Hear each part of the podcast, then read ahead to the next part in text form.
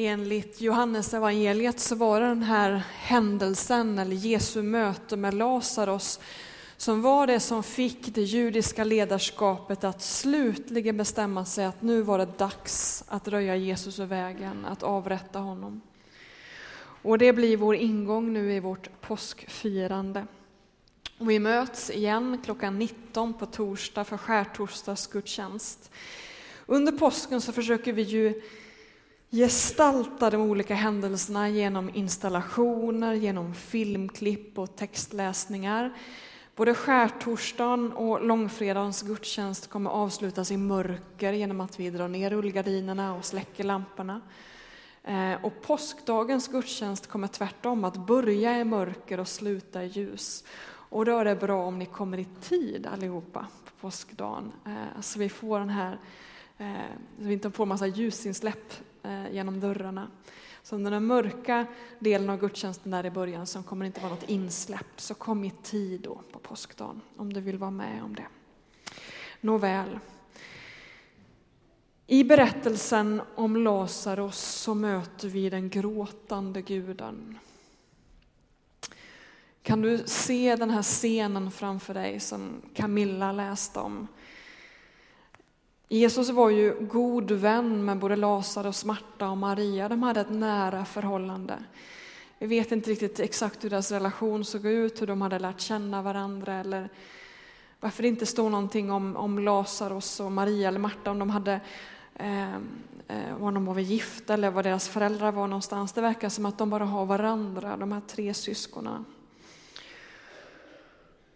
Och så hade då Lazarus blivit allvarligt sjuk. Och systrarna hade sänt bud till Jesus eftersom de visste att Jesus kunde bota sjuka. Och därför hade de sänt bud till Jesus. Det tog några dagar innan budet kom fram. Och när Jesus får det här budet så får han också ett tilltal från Fadern som säger att Lazarus är redan död. Och då gör Jesus precis som som vi gör ibland när vi har liksom svårt att bara säga att någon har avlidit. Han säger till lärjungarna, Lazarus sover. Han har somnat in, så som vi uttrycker oss ibland. Och lärjungarna fattar inte riktigt, så de säger, men vad bra, han, han, då kommer han ju liksom vakna och bli frisk. Eh, men så säger Jesus till slut rakt ut, han är död.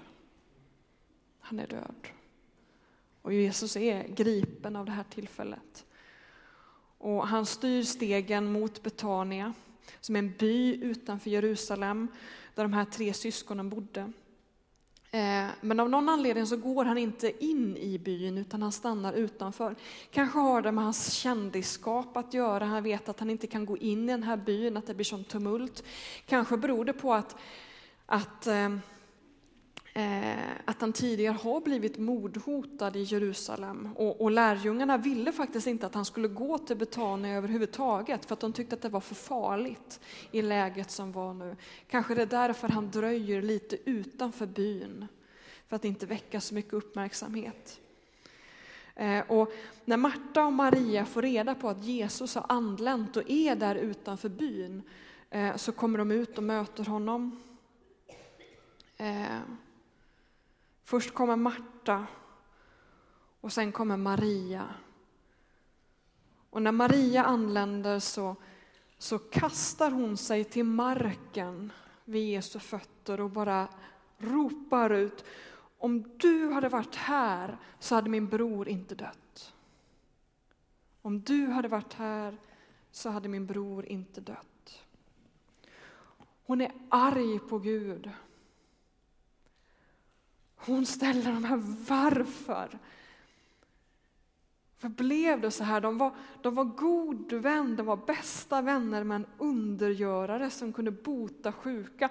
Och när, väl, när de väl behövde en undergörare, när de väl behövde någon som kunde hela, ja då var han för långt bort för att hinna fram.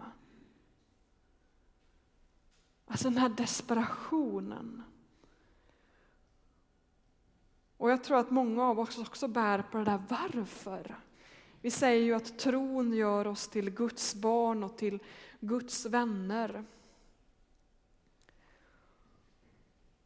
Och så har vi det där faktumet att, att trots att vi är Guds vänner så verkar det som att när det väl gäller, då uteblir det där bönesvaret. Jag håller på att tappa min mikrofon. Så.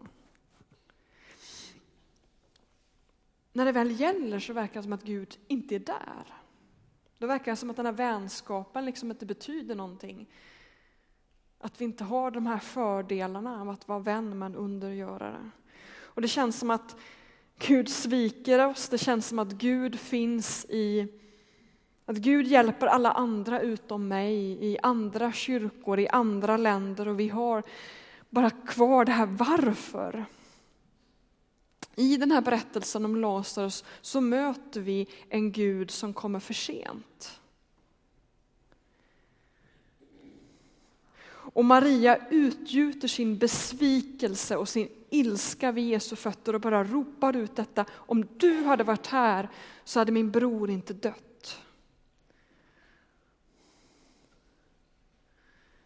Och då är frågan, hur, hur reagerar Jesus på de här, den här sorgen, den här ilskan, den här vreden? Jo, Camilla läste så här att när Jesus såg hur hon grät och hur judarna som hade följt med henne också grät så blev han upprörd och skakad i sitt innersta. Och han frågade, var ni lagt honom? Och de sa, Herre kom och se. Och Jesus föll i gråt. Då sa judarna, se hur mycket han höll av honom. Jesus svarar inte på Marias frågor. Utan han börjar gråta. Marias sorg och ilska möts inte med en teologisk avhandling utan med medlidande. I många år så har vi haft en grundkurs här i församlingen som heter Alfa. Alfa är den första bokstaven i det grekiska alfabetet. Och, och nu har vi bytt kursplan och då får det inte heta Alfa längre för det är copyrightskyddat. Och nu heter det bara grundkursen. Och det är premiär för den kursen den här terminen. Vi har avslutningsgång eh, här nu på tisdag. Och den stora frågan i den här kursen är, är Gud verkligen god? Är Gud verkligen god? Hur kan Gud vara god när det finns så mycket ondska i den här världen? I alla tider har människorna ställt den den frågan. Alltså hur är det möjligt att tro på en god Gud mitt i den här världen av elände? Eh.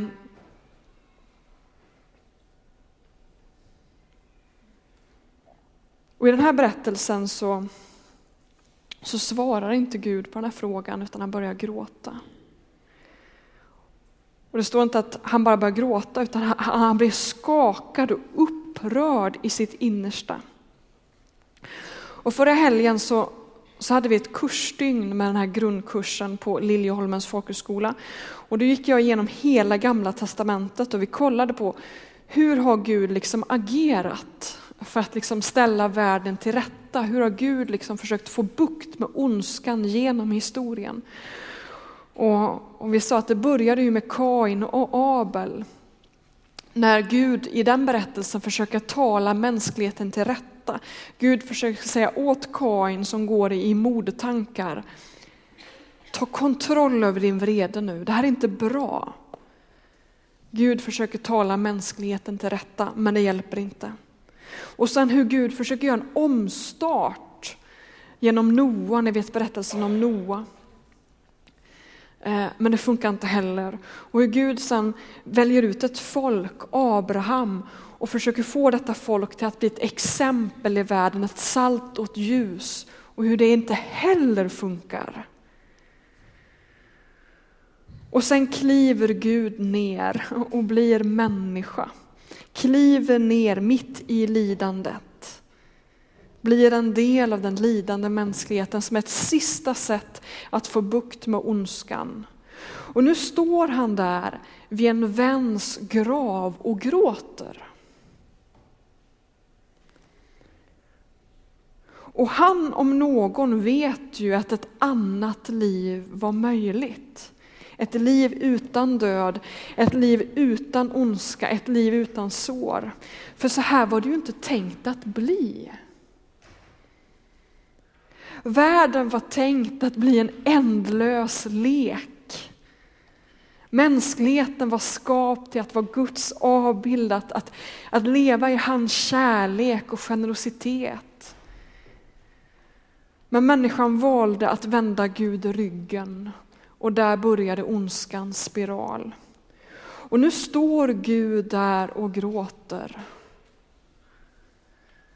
Och han är upprörd och han är skakad i sitt innersta och han sörjer sin väns död. Men jag tror att han inte bara sörjer Lazarus död utan sörjer alla dessa onödiga händelser genom historien. Alla dessa övergrepp, allt våld, alla svek, alla onda ord, sjukdom och död. Alla dessa tusentals år av lidanden står där, sörjer han vid det här tillfället. Han om någon visste att en annan värld var möjlig. Och han står där och sörjer. Och den här berättelsen brukar jag referera till ibland när jag har begravningar. Ibland får vi för oss att, att det är inte tillåtet som kristen att vara förtvivlad vid en dödsbädd eller vid en kista. Men här står ju faktiskt Jesus vid en grav och är förtvivlad och sörjer. När någon som har levt färdigt, som vi tycker, som dör gammal, eller som har plågats länge av sjukdom, så säger vi, när vi liksom beklagar sorgen, så säger vi att ja, men det var ändå bra att liksom han eller hon fick flytta hem. Och så är det ju att man kan vara tacksam för att någon äntligen liksom har fått bryta upp efter en plågsam sjukdom. Men ur ett större perspektiv så är ju döden alltid hemsk. Och den enda rimliga reaktionen är förtvivlan. Att man blir upprörd i sitt innersta, att man skakar, att man gråter. För döden är ju en konsekvens av ondskan, av synden. Det är inte en del av den här världen som, som Gud hade skapat och ropat ur, och allt detta är gott. Döden är en fiende. Döden är en fiende och är inte skapad av Gud. Döden är det yttersta beviset på att vi lever i en ond värld. Och här står alltså Gud och gråter och han svarar inte på Marias frågor utan han lider tillsammans med henne. Och några säger, se hur mycket han höll av honom. De noterar Jesus sorg. Men några häcklar honom och säger, kunde inte han som öppnade ögonen på den blinde också gjort så att Lazarus inte behövde dö? Alltså den gråtande guden provocerar. Det är som man säger, ja men stå inte bara där och gråt, gör någonting. Medlidandet räcker inte. Snart är det ju påsk. Och här i Ryttargårdskyrkan försöker vi ju då vara i det här påskdramat dag för dag. Alltså vi försöker fira långfredag och skärtorsdag som om det inte fanns en påskdag, som om det inte fanns en uppståndelse. Vi försöker vara kvar i förvirringen, i, i sorgen, i Getsemanes ångesten. Alltså vi försöker vara som om allt vore kört. Och jag tror att det är en förutsättning för att kunna ta in påskdagens evangelium. Vi behöver likt Jesus stå inför döden, smärtan och tragedin och bara gråta. Att tillsammans bli upprörda och skakade. Och inte bara över påskdramat utan också över livet i dess helhet. För ni som ni som kan den här berättelsen om Lazarus, den finns ju i Johannes evangeliet kapitel 11, vet ju att Jesus sen kommer ropa ut Lazarus, kom ut. Och detta rop väcker faktiskt upp Lazarus från de döda trots att han har varit i graven i fyra dagar. Och jag tror att den här sorgen som Jesus kände och vågade vara i var en förutsättning för att Jesus skulle få kraft att bara ropa ut detta. Lazarus kom ut. Att den här sorgen fick honom att ropa så kraftfullt så att Lazarus hörde detta i sitt dödsrike och väcktes till liv. För det är bara den gråtande guden som kan göra under. Det är bara den gråtande guden som kan väcka upp döda. Det är bara den gråtande guden som kan bota sjuka. Det är bara den gråtande guden som kan läka våra inre sår. Sorgen är en förutsättning för kraften. För att vi ska kunna komma i kontakt med denna enorma kraft så måste vi våga vara i det svåra. Vi måste erkänna våra synder. Vi måste blotta våra sår och vi måste få utlopp för våra tvivel och våra frågor. Vi måste komma i kontakt med verkligheten sådan som den är. Alltså faktumet att vi lever i en trasig värld där det finns tusentals anledningar till att börja gråta.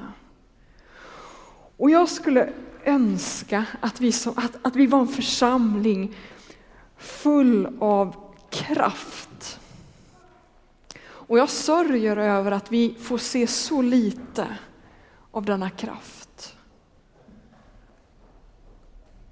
Alltså jag skulle önska att vi var en församling där människor mirakulöst blev botade från sjukdomar. Jag skulle önska att vi vore en församling där människor fick sina självbilder upprättade. En församling där skammen och skulden liksom dränks i Guds kärlek på ett mäktigt sätt. Men vi är en församling med så mycket ord. Var finns kraften? Var finns kraften? Och jag tänker att det delvis beror på att, att vi inte sörjer. Att vi inte står där tillsammans med den gråtande guden. Eller att vi ens ser att Gud har klivit ner och står där mitt tillsammans med oss i vår vardag, i våra bekymmer och i vår vånda, i det som är vårt liv. Att vi inte tror på att Gud faktiskt har stigit ner och blivit människa, en del av den här lidande mänskligheten. Att vi inte tror på det. Att Gud är med oss i vår vardag. Och kanske är det dags att be Guds ande om hjälp. Kanske är det dags för dig att be att anden skapar tro i dig. Tro på guden som klivit ner och blivit människa. Som både gråter och väcker upp döda. Kanske är det dags att be att Guds ande väcker en sån tro i ditt hjärta. För det är anden som skapar tro. Det är anden som skapar tro. Och vi får be om hjälp. Och kanske ska du också be om Guds andes hjälp att våga vara i det som gör ont, att våga vara i det som är, är jobbigt och smärtsamt, att våga vara det som är dina tvivel. Så att du får kraft att liksom kasta dig vid Jesu fötter och bara säga, om du hade varit här så hade min bror inte dött.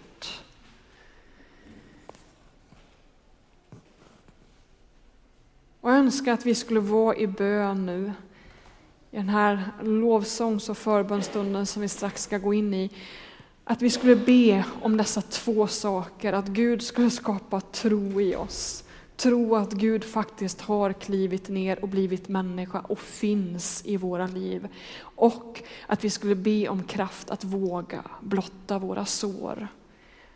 Att öppna upp för våra frågor och vår vånda och våra bekymmer och låta sår läggas till sår.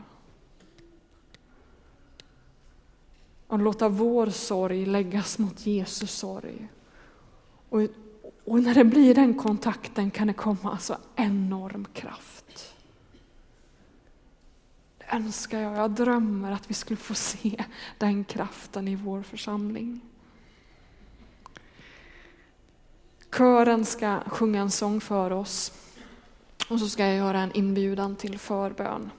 Men vi lyssnar till körens sång och så är vi inför Guds ansikte.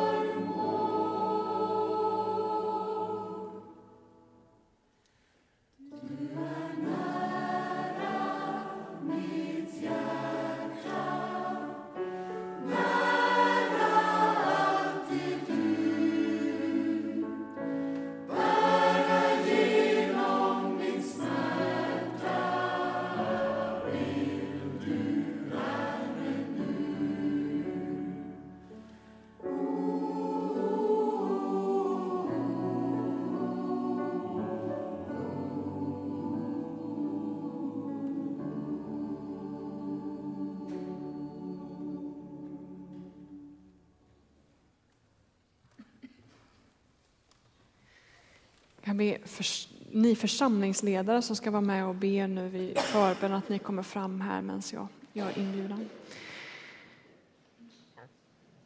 Vi har som vanligt ljusspärren dit du kan gå eh, med det som är din bön och tända ett ljus och be på det sättet.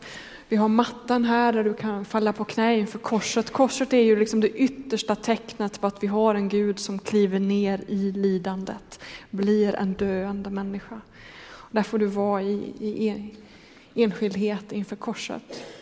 Och så har vi förebedjare vid trappan där du kan gå med vilket förbönsämne du än har eh, och få förebedjarnas förbön och välsignelse över ditt liv. Och så idag så kommer också församlingsledarna vara med och be här framme här och på läktaren. Eh, och be en bön just utifrån den här predikan. Eh, på, på första advent så sa Fredrik så här i sin predikan. Jag tror på en Gud mitt i skiten. Jag tror på en Gud mitt i skiten. Och du som känner att ja, men jag, jag vill få en starkare Gud, eller tro på en sån Gud som är mitt i det som är. En tro på att Gud är i ditt liv så som det ser ut. Och du som längtar efter att få syn på det, att Gud faktiskt är mitt i ditt liv som det ser ut, så kommer församlingsledarna be en mycket kort bön för dig om en sån tro. En tro på Gud mitt i skiten. Eh, så får vi vara tillsammans i bön på det sättet. Så gå fram till någon av församlingsledarna eh, om du vill bara få en sån kort liten förbön. Och vill du få längre förbön och kanske få något annat bönämne så har vi våra förebedjare vid trappan. Men vi är i bön och Vox Deo leder oss i, i lovsång. Eh, jag upplevde när vi satt här nere, det finns minst ett par stycken som ni försökte hantera det här tvivel, det här sorg själv. Och Gud säger, bjud in mig och mitt ljus. Och sen också, jag fick en smärta, ont här i, i ryggen. Och jag, blev, jag tror det är någon här som har ont precis här i ryggen och Gud vill hela dig idag. Jag har med min oljeflaskan. Om det finns andra som är här och vill ha bön för eh, helande, kom gärna fram. Så Ian kommer vara en sån vanlig församlingsledarstation, men har du det där besväret med axeln och kanske har något annat sjukdom så, så finns Ian, så gå till honom också så ber han en längre bön för det.